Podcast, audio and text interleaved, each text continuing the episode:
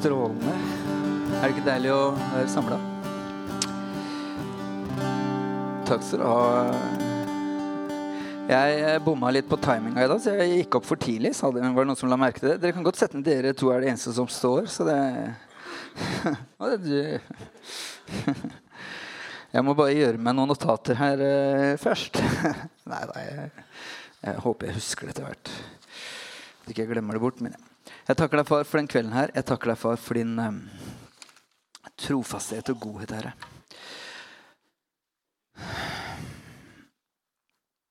Du er uh, til å stole på. Du er allmektig. Du er så langt større enn det vi kan forstå. Og jeg ber om at du skal uh, hjelpe oss til å uh, se ting med dine øyne i litt større grad i kveld, Herre. Sånn at vi kan eh, oppdage deg, og at du kan komme hakket nærmere i, i, i vår hverdag. Jeg takker deg for det i Jesu navn. Amen, amen, amen. Bra. Jeg måtte, jeg måtte Når de begynte på den uh, sangen uh, som House of Miracles, så måtte jeg ta en telling. Så jeg håpa egentlig at Ja, at jeg var i stand til å stå her da. For det, det er en veldig fin sang, syns jeg. Det var en surprise. Eh, og det passer egentlig veldig godt til det jeg skal snakke om. da. Er dere, er dere her, forresten? Dere lurer på, hva, er, Oppfører jeg meg rart? Er det det som er liksom, uh, ute av karakter? Jeg er jo alltid rar, så jeg trodde det var helt greit. Ja. ja. Nei, men uh, til poenget. Jeg har snakka om den høsten her at Gud er. Eller hvem Gud er. Og Grunnen til at jeg snakker om hvem Gud er, det er fordi jeg tror det har betydning for hvordan vi ser på oss selv, eller hvem vi er. Er dere med på resonnementet? Uh, og har for, fra, jeg har prøvd på, fra litt forskjellige sider, bl.a. det med å sette Jesus midt i livet. At ikke han er en del utenfor eller først, eller setter han på utsida av det vi holder på med. Men at han er plassert midt i det vi holder på med. Midt i livet vårt. Eh, Agnar har snakka om at Gud er vår far et par søndager. Eh, og jeg, jeg, har lyst til å gå tilbake Forrige talen jeg hadde, eller det jeg om, det var at, hvordan Gud er en allmektig Gud. Og det har jeg lyst til å holde litt mer tak i. Fordi når Israel var i ørkenen i 40 år, så tok han vare på dem fysisk. Han ga dem mat, og han passa på dem, og han leda dem dit de skulle. Uh, og jeg skal lese uh, Jeg vet at det er et tema som kan være litt touchy, så, så jeg følg med meg her, folkens. Jeg skal ikke, håper ikke jeg skal misbruke deres tillit eller uh, gjøre noe vanskelig. Men i 2. Mosebok kapittel 15 vers 26 så står det ja, og som jeg sier, Var det ikke gøy å se barna danse og sånn? Jeg driver og ser litt på verdiene og evaluerer verdiene til arena. Og du kan si En av de det er kreativitet. Eh, og jeg tenkte jeg ville legge på galskap. For en av de tingene vi har holdt på med hele det er å, å, å, gjøre ting som prøve i hvert fall, å gjøre ting som er litt eh, vilt. Så jeg syns det er bra at eh, de tør å danse. Jeg synes det er bra at de gjør de tingene. Vi må ha mer av det, egentlig. Eh, vise at vi lever, at vi har det gøy og, og trives osv. Men vi leser fra 2. Mosebok kapittel 15 vers 26. Eller det er vel noe annet da. Moses lot Israel bryte opp fra Sivsjøen. Og de kom til ørkenen Sjur. De gikk tre dager i ørkenen uten å finne vann. Så kom de til Mara. Men de kunne ikke drikke vannet i Mara fordi det var bittert. Derfor ble stedet kalt Mara. Folket klaget til Moses og sa, 'Hva skal vi drikke?' Da ropte han til Herren, altså Moses, og Herren viste ham et tre. Det kastet han i vannet, og vannet ble friskt. I Mara fastsatte han lov og rett for folket, og der satte han dem på prøve. Han sa, hvis du fullfører, eh, hvis du fullt og helt adlyder Herren din Guds røst og gjør som rett er i hans øyne, og lytter til hans bud og holder hans forskrifter, da skal jeg ikke legge på deg alle de sykdommene som jeg la på egypterne. For jeg er Herren, den som helbreder deg. Eh, det jeg skal snakke om i dag, jeg er Herren din lege. Eh, jeg har gått litt gjennom de gammeltestamentlige navnene. Og du kan si en bibel, Første gangen eller det, 'Jeg er' ble brukt tidligere, så det her er ikke første gangen den, den bomba slippes. Men den mest kjente det er når Moses spør eh, kallet sitt 'Reis ned til Egypt og redd folket mitt'. Um, og Da sier Gud at, eller spør Moses hvem er det som har sendt meg. Og Da svarer uh, Gud, 'Jeg er har sendt deg'. Og det her er en av de 'jeg er'-greiene. Og Bibelkommentaren uh, sier at ordet 'jeg er' brukes nesten alltid på, for å beskrive framtiden. Ordet betyr 'jeg skal bli' eller 'jeg skal vise meg å være'.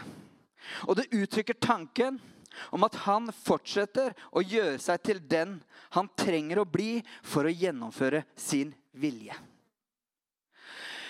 Navn i Bibelen har ganske mye større betydning enn det kanskje den har i våre dager. I dag handler det om at det skal være fint eh, og kult, og at det skal kunne funke på engelsk, kanskje. Og det, det er en del sånne, eh, sånne ting som vi, vi, vi, gjerne vil at det skal ha. da. Men i, i, i, Bibelen så representerer det noe mer. Det representerer eh, eh, en hendelse som er viktig. Eller et karaktertrekk som har betydning.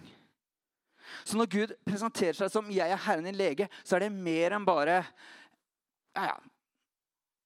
Det, er noe, det, det, er et uttrykk for hvem han er.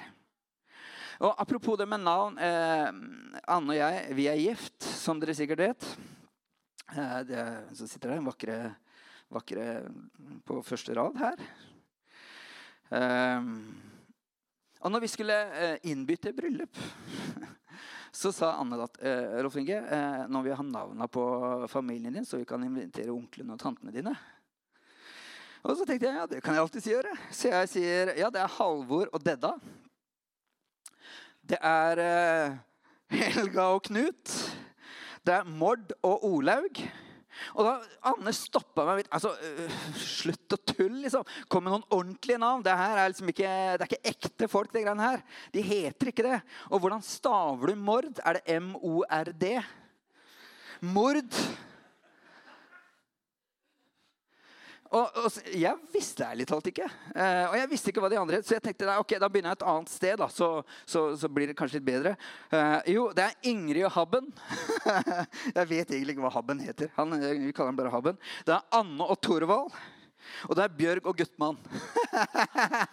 så du kan si de bryllupsinvitasjonene våre det er, liksom, det er litt andre Det er liksom ikke Karl Oskar og, og, og, og, og Nei, jeg vet ikke, jeg. Men det er i hvert fall det her Saken er at det oser ikke urbant. Det her var en gjeng som ikke bevega seg langt unna Garv sentrum. for å si det sånn.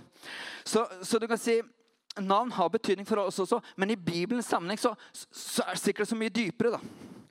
Så vi skal tilbake til Herren din lege. For det som var her, De hadde behov for rent vann, og de fant bare noe udrikkelige greier. Og Gud viste dem et tre som de kasta i vannet, og så ble vannet friskt. Sånn at de kunne drikke det. Og så sier han, 'Jeg er Herren din lege'. Jeg er Herren din lege. Jeg er den som tar hånd om deg, også på det fysiske. Og nå skal vi være ærlige, og Jesus sier det sjøl, men at det var ikke så mange som ble helbreda i Gamle Testamentet. Det skjedde ikke så mange sånne ting. Og Jesus sier det sjøl. Han, han refererer til Gamle Testamentet. Se, se, det var ikke så mange det skjedde. Så du kan si, når, Jesus, når, det, når det, her sies, så peker det framover. Det peker framover, eller det gjaldt de også, men det peker framover på hvem Jesus er, hva han skulle komme og gjøre for oss. Og rundt Jesus, i Jesu tjeneste, så skjedde det en hel masse. Mange mennesker altså Det står faktisk flere steder at alle som kom til ham, ble friske og fikk sine behov møtt. Og jeg vet at dette er et delikat tema. Og jeg vet at vi har mange erfaringer, vi har mange spørsmål. Men saken er at i Jesu tjeneste Når han gikk omkring, så var det også en del av de her holdningene til stede. Blant annet så Fariseerne de mente at eh, det, du holder på med, det er feil. De gjorde det i hvert fall på feil dag og på feil måte. Og I hjembyen hans så var det sånn at eh, de var så skeptiske til hvem han var og det han sto for, at de var villige til å steine Og de prøvde å steine og få den ut av byen. Og så er det de andre da, som hadde hørt historien og sett eksemplene på hva, på, på hva, Jesus hadde gjort, som kom til Jesus med stor forventning og tenkte bare får tak i kanten av kappa hans, bare, bare, får rørt ved han, så, så har jeg mitt svar. Og så var det de som var usikre. Det var en kar, jeg vet ikke om dere husker han. Han kom til Jesus og kan du helbrede eller hjelpe meg. Eh, jeg tror. Hjelp min vantro. Så du kan si Det er mange sider av den saken. Vi har mange opplevelser og, og, og, historier om den saken. Vi kan fortelle om våre historier, hvor, hvordan, hvordan, dette har vært for oss. Men som vi sang i den sangen, altså, vi må holde opp løftene, vi må holde opp håpet om hvem Gud er. For jeg tror at Gud er en allmektig Gud som kan gjøre mer enn alt, langt utover det vi ber om, langt utover det vi forstår. Så jeg tenkte egentlig bare å gå gjennom en litt oppmuntrende historie. Fordi jeg har um, klippa ut alle Alle hendelsene i evangeliene hvor Jesus møter et menneske med behov. Og Jeg har isolert i et eget dokument, og så har jeg gått gjennom hver en av de historiene for å se hva er det Jesus prøver å fortelle meg her. Hva er det han prøver å si meg? Og Jeg har sett på de forskjellige historiene, og så har jeg kommet til en som jeg, jeg syns er så bra som jeg tenker den, den, den passer inn kanskje i vår tid. Eh, ikke, eh, for, fordi den, måte, den, den, setter ord på noe som jeg, eh, jeg kan gjenkjenne. Da. Så er dere klare? Og jeg tror det her er ganske tidlig i Jesu tjeneste. Eh, det her er ikke langt uti, tror jeg. Det er ganske tidlig i Johannes brev. Eh, ja. Men det står i Johannes 5 5 9 så er det en historie. Og der står det Etter dette kom en av jødenes høytider, og Jesus dro opp til Jerusalem. Ved saueporten i Jerusalem ligger en dam som på hebraisk kalles, eller heter Betesta. Den er omgitt av fem bueganger, og der lå det en mengde mennesker som var syke, blinde, lamme og uføre. De ventet på at vannet skulle komme i bevegelse. For en engel fra Herren steg fra tid til annen ned i dammen og rørte ved vannet. Den første som steg ned i dammen etter at vannet var blitt rørt opp, ble frisk uansett hvilken sykdom han hadde. Det var en mann der som hadde vært syk i 38 år. Jesus så ham ligge der og visste at han hadde vært syk lenge, og sa til ham, 'Vil du bli frisk?' Den syke svarte, 'Herre, jeg har ingen som kan få meg ned i dammen når vannet blir rørt opp, og når jeg kommer fram, går det alltid en annen uti før meg. Da sier Jesus til ham, stå opp, ta båren din og gå. Straks ble mannen frisk. Han tok båren sin og gikk. Men det var sabbat den dagen. Og jødene sa til ham som var blitt helbredet, det er sabbat, du har ikke lov til å bære båren. Han svarte, han som gjorde meg frisk, sa, ta båren din og gå. Hvem er dette mennesket? som sa at du skulle ta den og gå, spurte de. Han som ble frisk, visste ikke hvem det var, for Jesus hadde trukket seg unna. Det var mye folk der. Senere fant Jesus mannen på tempelplassen og sa til ham, 'Du er blitt frisk, synd ikke mer, for at ikke noe verre skal hende deg.' Mannen gikk da og fortalte jødene at det var Jesus som hadde gjort ham frisk. Jeg syns det er en litt underlig historie.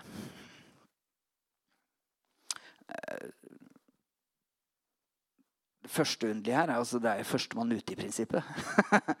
det er litt rart. Altså, eh, Førstemann uti eh, når engelen rører ved vannet, han blir frisk. Det er rare greier. Og du kan si Det var ganske viktig for de å komme uti her. da. Og det blir litt annerledes enn, enn når vi kommer til Fyrsal, hvor Mikael kommer til å rope 'førstemann uti til isbadinga' som vi skal ha der oppe. Eh, fordi det, det var så mye mer som sto på spill. For det handla om livet deres.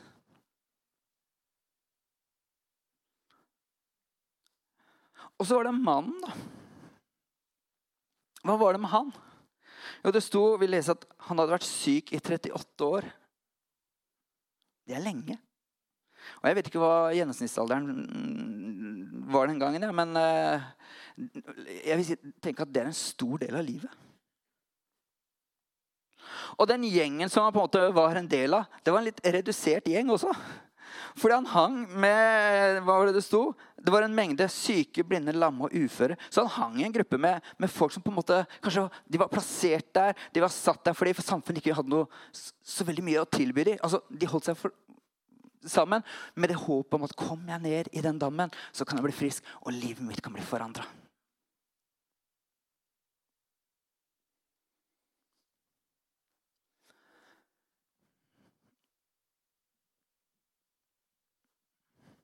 Og så kommer Jesus.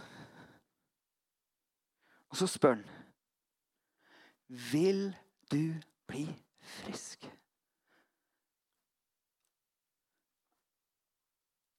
Det er nesten et litt provoserende spørsmål i hans situasjon. Men tenk hvor mye håp det er i det. Men det som er, det er at det er noe med han karen her det virker nesten som han ikke svarer på spørsmålet. For det er noe resignert over den. Det er noe motløst over den. på en måte, det virker som han har gitt opp. Fordi han svarer det er, han svarer med å beskrive situasjonen sin. Han sier Jeg har ikke noen som kan få meg ut i dammen. Altså, Jeg er aleine her. Det er ingen som vil hjelpe meg. Så han har resignert liksom fordi han har ikke det støtteapparatet rundt seg. Og når jeg endelig får kara meg uti Det er min oversettelse da, eller min uh, forklaring på det. Når jeg endelig får kara meg uti, så er det alltid noen andre som har vært der før meg. Jeg rekker det ikke. Og jeg vil si, Historien er ganske trist. Og, og, du kan også lese der, Han visste ikke hvem han hadde med å gjøre. Han kjente ikke til Jesus. Så, så, når han først blir frisk, og han får spørsmålet hvem er det som har gjort deg frisk, så visste han ikke. Så han hadde ikke hørt om Jesus. Så det må tydeligvis være ganske tidlig i tjenesten, tror jeg. Og da er saken da, altså, Hvor vil du med det her, Olf Inge? jo, nå skal du høre. Hvordan er vår situasjon? Og jeg tenkte jeg skulle være litt ærlig og oppriktig med dere. rett og slett. Nå sier ikke at vi er der i en sånn situasjon. At vi liksom er en gjeng skrøpelige som ligger ved Betesta og håper på det beste. liksom. Førstemann i Lilleelva eller førstemann i Firestjernhavet. Men det er noe med å være ærlig om hvor vi er. Og det har noe med erfaringsgrunnlaget. Fordi jeg møter på mennesker som har vært syke lenge, som håper Yes, jeg håper. Jeg håper. Og jeg møter på folk som har vært til forbønn mange ganger. Og det er um, våre erfaringer. altså Anne mista hvor, hvor, gammel var pappaen din når han døde? Ja, det var ikke han jeg lurte på. Det var egentlig hvor, du, hvor gammel du var når uh, pappaen din Frida Nei, Frida. Anne var elleve. Jeg har mista mine foreldre, jeg, og, og, vi trodde Gud. altså, Den kreften skal bli borte.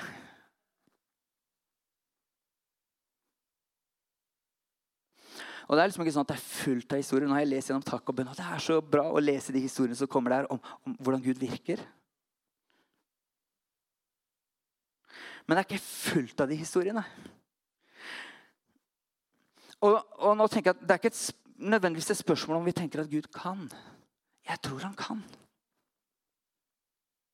Men det er kanskje et erfaringsgrunnlag vårt som jeg sier, vi klarer kanskje ikke helt å gripe det. For vi, vi har ikke sett det så nært. Og jeg tror faktisk han kan. og jeg tror han vil. Og jeg har vært rundt omkring andre steder, kanskje ikke akkurat i Grenland eller i Norge, men hvor jeg har sett veldig, veldig, veldig kule ting. Jeg husker Sist jeg var av gårde i Reading, så, så husker jeg hvordan en av de personene som var der, hun, hun, hadde, hun, hun, var så dårlig. Hun var så sjuk. Hun hadde mm, en eller annen no, no, greier i ryggmargen. Så var, hun var, så dårlig. Så, hun kom fra Mexico, og de, hun ble trilla i rullestol gjennom hele og, og ble båret hele veien og kom til møtet der vi var. Og så ble hun bedt for, og så hadde hun bare tenkt liker du å danse. Kanskje du skulle bevege deg litt nå, liksom bare mm, som en slags takknemlighet. Og så skjedde det noe i kroppen hennes. Så vi fikk se henne etterpå. Hun sto og fortalte hva. Jeg hadde, jeg hadde, jeg hadde morfin i, i, i, intravenøst for å klare å, å, håndtere smertene. Men jeg har ikke tatt morfin på flere dager. Jeg er helt frisk, og jeg kan bevege meg helt vilt. Og så sto og dansa og hoppa. Det var en meksikansk dame, så det var salsa og det var uh, alt mulig rart som skjedde på en gang der. Og du kan si jeg, jeg, jeg har sett sånne ting, og jeg har hørt sånne historier. Og jeg vet at det går an. Det var en annen kar er det greit at det kommer en annen historie? Det var En annen kar, en gutt, han var fra Norge. Han, han hadde fordøyelsesproblemer. Han hadde store problemer med å spise. Han var på et møte. Det skjedde ikke noe spesielt liksom, eh, foran, eller sånt, men det var en sånn fellesbønn. Kanskje, kanskje, er det noen her som er, har behov, er syke, så kan jeg løfte opp hånda, så kan vi be kort. Og Så ba de kort. Sto bakerst i salen. Eh, kommer på en pizzarestaurant etterpå, eller en restaurant etterpå italiensk restaurant. Og så, og så tar han en sånn breadstick, spiser den. Og så spør han, syns den var så godt, så han spør om få en til. For han kunne ikke spise. altså Fordøyelsessystemet hans var så ødelagt Han, det var bare noen få ting han kunne spise. Han kunne i hvert fall ikke spise eh, brød, for å si det sånn. Eh, så, så han spiste det. og og så tenkte jeg å nei, hva skjer nå? Liksom, nå, nå de venta bare på reaksjon. Men så skjedde det ikke noe. Så du kan si Resten av den perioden de var der, så var det en oppdagelsesferd i mat. Han spiste hamburgere, han spiste chips, han spiste pizza. Han spiste alt han ikke før kunne spise. Fordi Gud hadde gjort noe i han. Og da kan vi tenke her i vårt skeptiske land at tenke, nei, men det, det, det, det må dokumenteres. det må vi finne ut av. Han er frisk fortsatt i dag. Og hun dama fikk vi se etter, over tid. De har, de har fulgt henne opp. Og hun er også frisk i dag.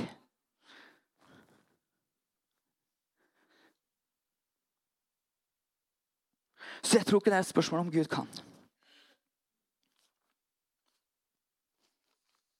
Men saken er at eh, å høre om ting som skjer langt borte, eller som har skjedd for lenge siden, det har ikke den effekten som det skjer her. Og vet du hva min bønn er? At flere ting skal begynne å skje her. At vi får det nære innpå oss. At vi får se hvordan Gud virker. At, at, at ting skjer. At uh, det løftet som Jesus har gitt oss At ikke det bare er et løfte langt borte, men det blir aktivt virksomt her vi er i våre liv. Gir det mening? Jeg ber om at du skal komme hit.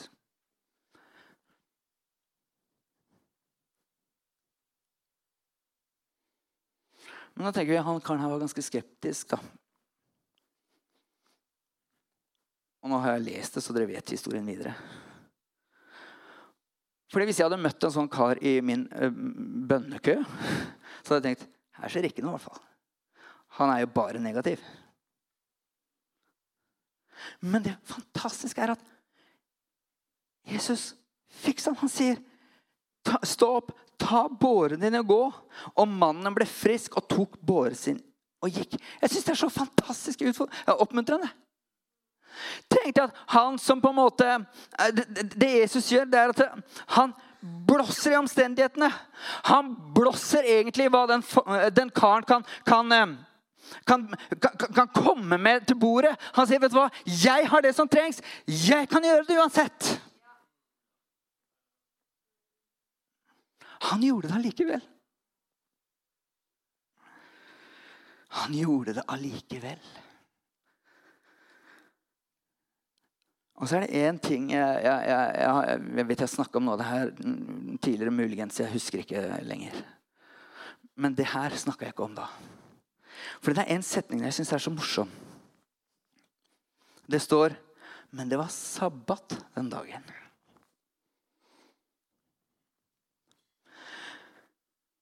Jeg har lest, som jeg sa, nå har jeg gått gjennom de historiene.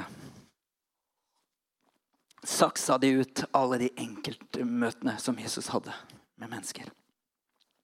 Og vet du hva jeg syns er påfallende? At så mange av de tinga han gjør, skjer på en sabbat. Det er i hvert fall seks av 12 eller 13 eh, hendelser som skjer på sabbaten. Og da er mitt spørsmål hvorfor på sabbaten? Og det var det de skriftlærde og fariseerne var veldig irritert på. Altså kan du ikke finne, det er, det er seks andre dager i uka! Bruk de! Bare hold deg unna sabbaten! Og det var det store kamp, eller en av de store kampgreiene han hadde med det òg. Altså, det er greit, bare, bare, hold sabbaten hellig. Altså, Ikke jobb på den. Ikke gjør noe fornuftig på den. Og du kan si Det Jesus gjorde det til, det ble et verdispørsmål. Hvem er viktigst? Er det sabbaten eller mennesker som er viktigst? Og det ble det store spørsmålet, den store kampen han hadde med de. Men jeg tror dette inneholder flere lag av informasjon. Jeg tror han prøver å si oss noe ved at det er sabbaten han helbreder på. Jeg tror han prøver å si noe. Fordi hva var sabbaten? Sabbaten skulle du ikke jobbe på. En skulle ikke arbeide på sabbaten. Og det var, regler for hvor langt du kunne gå på sabbaten. Du skulle, være, eh, du skulle holde deg i ro, og du skulle eh, gå i, i, i synagogen. Det, det, være, det var en dag som vi satte av til Gud. Og jeg vet ikke om dere husker Sist, jeg, uh, sist når jeg om når de var i ørkenen. Altså, når Gud gjorde det matunderet, og de fikk manna hver dag så skulle de, eh, Den sjette dagen skulle de samle for to dager. fordi på den syvende dagen, altså sabbaten, så skulle de ikke jobbe. Så de samla inn og hadde klart sånn at den dagen kunne de hvile. Den kunne de konsentrere seg om Gud. Vet du hva jeg tror han prøver å fortelle oss? At vi ikke kan jobbe for helbredelse. Helbredelse, Guds godhet og Guds nåde handler ikke om fortjeneste eller lønn. Det handler ikke om å ta seg sammen og pumpe seg opp i tro. Det handler ikke om å gå i bønnestreik eller sultestreik, som fase kan være noen ganger. Det handler ikke om de tinga der, men det er en gave fra Gud som skjer når han møter oss, hvor hans kjærlighet, hvor hans nåde får treffe oss, sånn at det skjer noe med oss. Og min påstand, eller min Jeg vet ikke hva jeg skal kalle det. La han arbeide på sabbaten. La han jobbe. Så kan du og jeg motta. Når vi er sammen med Han, ikke strev, ikke jobb, ikke kjemp, men ta imot av det Han har for deg og til deg.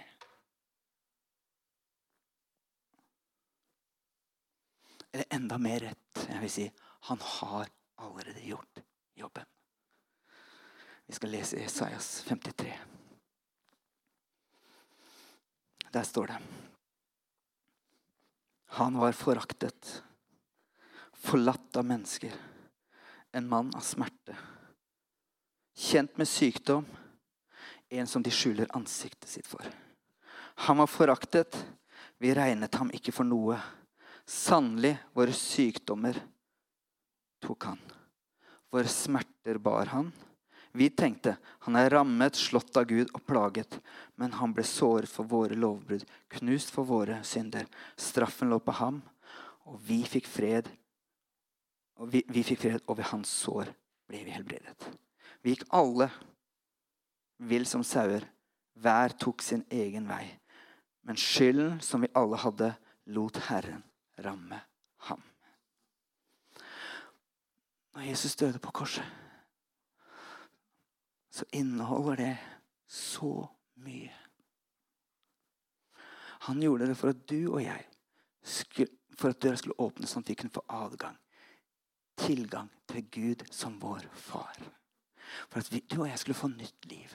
Og så står det ved hans sår så har han gitt oss legedom. Han har gitt oss legedom. Vi får alle vil. Altså, ingen på en måte kommer unna det her. Men han har dratt, seg, han har dratt oss tilbake for at vi kan være sammen med han og erfare hans godhet.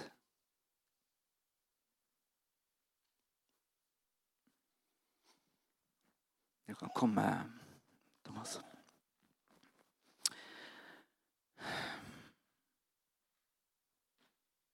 Jeg syns den historien er fantastisk bra. For den viser en kar i en ganske vanskelig situasjon. Umulig situasjon, desperat situasjon. Og så kommer Jesus inn, og så forandrer han det. På ingen måte fordi han er så fantastisk eller har så vanvittig mye tro. Men fordi Gud er god, og Gud er Gud. Og det er på en måte essensen i det. Altså, vi kan kanskje være i samme atmosfære i Norge hvor vi tenker at yes, vi skulle gjerne sett så mer. Men vi kan kjenne på den resignertheten. Så tenker jeg, vet du hva? Vi må holde håpet oppe. Holde ordet oppe. Ikke stresse eller mase med det, men det fins en Gud som kan fikse. Og jeg har snakka om identitet. altså jeg sier at Når vi snakker om hvem Gud er, så, så, så vil det dryppe ned på oss og, og, og, og endre oss eller gjøre noe med oss. Og jeg tror faktisk denne historien her, den handler også om det samme. Flytter fokuset bort fra hva vi kan få til, og hva vi kan prestere, men over på hvem han er. Hvem han er. Han er sendt ifra himmelen til oss.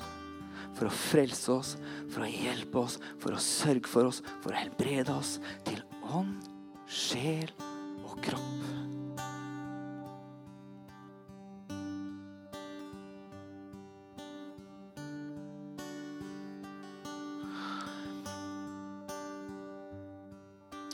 Du kan vise det bildet, Håkon. Jeg avslutta forrige gang. Sa at uh, kanskje det her er utsikten fra kjøkkenvinduet ditt. Det er ørken. Det er tørt. Og det her kan godt hende det her er et sånt område som du kjenner det er ørken på. Dette er vanskelig for meg.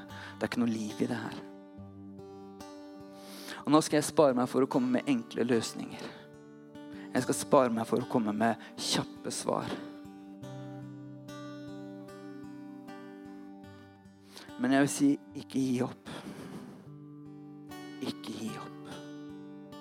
Ikke gi opp. Ikke gi opp.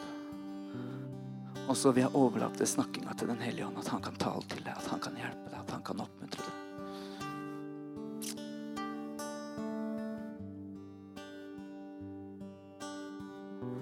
Og så vil jeg gjerne be sammen med deg. Det kan jeg gjøre. Så bak i salen så har vi nattverd. Du kan ta det.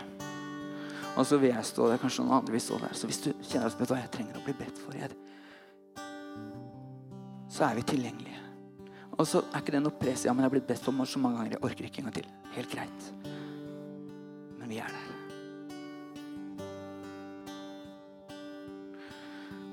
Vi er der.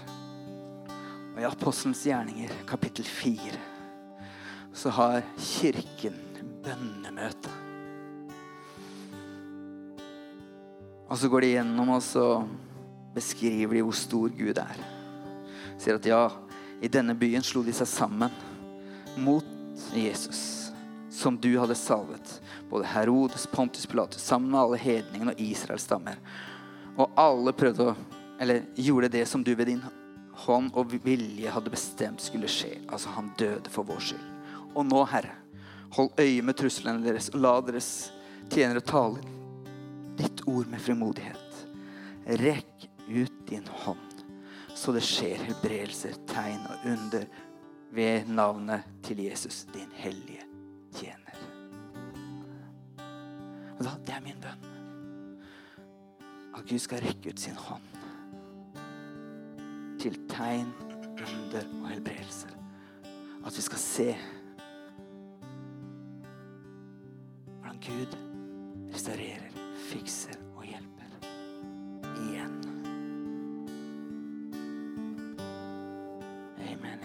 takker deg, far, for ditt ord, Herre. Nei, Jeg takker deg for de historiene som du viser. i møte med mennesker. Uansett hvilken situasjon de var i, uansett hvor vanskelig det måtte være, så var du der for dem. Om de mangla mat, så gjorde du en nistepakke til mat, eh, en hel haug.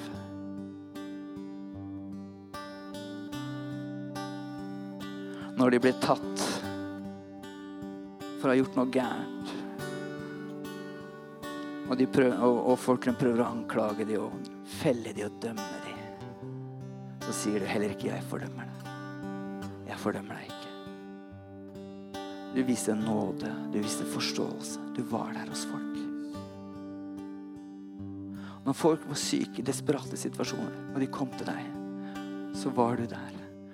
Takker deg, far, for alle eksemplene som du viser. Og jeg takker deg, far, for at du, du har sagt at vet du hva? Det her handler ikke om hva du kan få til, hva du kan prestere, hva du kan gjøre for det. Det er ikke noe mer vi kan legge til. Fordi du har gjort alt sammen ved at du døde for oss. Tok vår synd, tok vår skam, tok vår, våre plager. At du ga deg selv for oss. Jeg takker deg for det, Jesus. Jeg ærer deg, jeg opphøyer deg.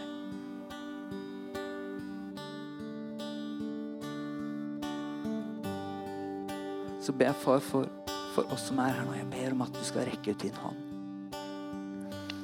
At du skal rekke ut din hånd. Sånn at vi ser behov blir fylt. Skader blir lekt. Plager blir lekt. Sykdommer blir lekt. At de umulige situasjonene viser seg å ikke være umulige fordi du er